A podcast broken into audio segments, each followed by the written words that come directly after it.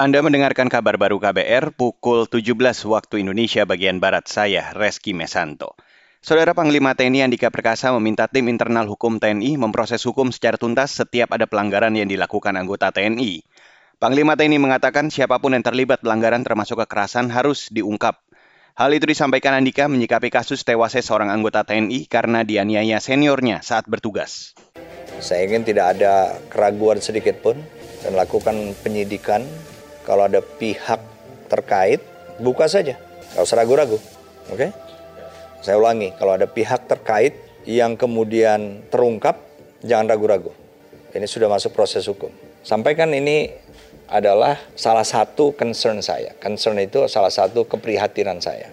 Panglima TNI Andika Perkasa menyampaikan keprihatinannya atas kasus penganiayaan yang menimpa Sersan 1 Marstian Bayu Pratama Bayu tewas diduga dianiaya seniornya saat bertugas di Timika, Papua.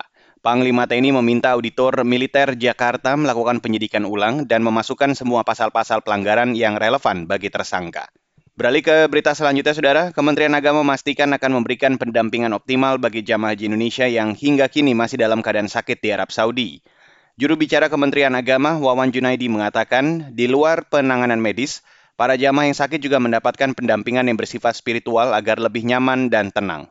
Pendampingan bagi jemaah sakit meliputi tata cara bersesuci, cara melaksanakan sholat, pendampingan doa-doa maupun pembacaan zikir, memberikan motivasi dan semangat agar jemaah merasa nyaman dan tenang, memastikan rangkaian tawaf ifadahnya telah dibadalkan bagi jemaah sakit yang disafari wukufkan, yakni mereka yang sampai saat ini belum kembali sehat. Juru bicara Kementerian Agama Wawan Junaidi menegaskan, pemerintah Indonesia bertanggung jawab untuk memastikan rangkaian ibadah dan seluruh rukun maupun wajib haji para jamaah yang sakit tersebut dapat dilakukan secara baik dan tertib.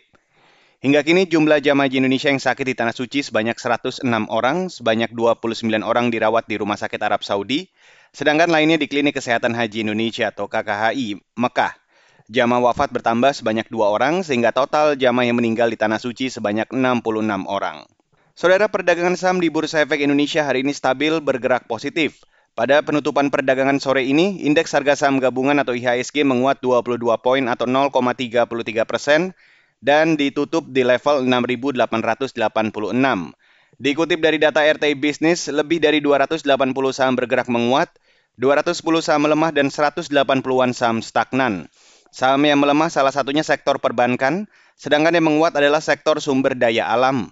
Penguatan juga terjadi di sejumlah bursa saham utama Asia lainnya, kecuali Shanghai Composite Index yang melemah tipis 0,06 persen.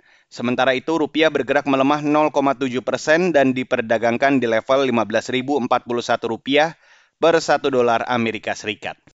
Dan saudara, demikian kabar baru saya Reski Mesanto.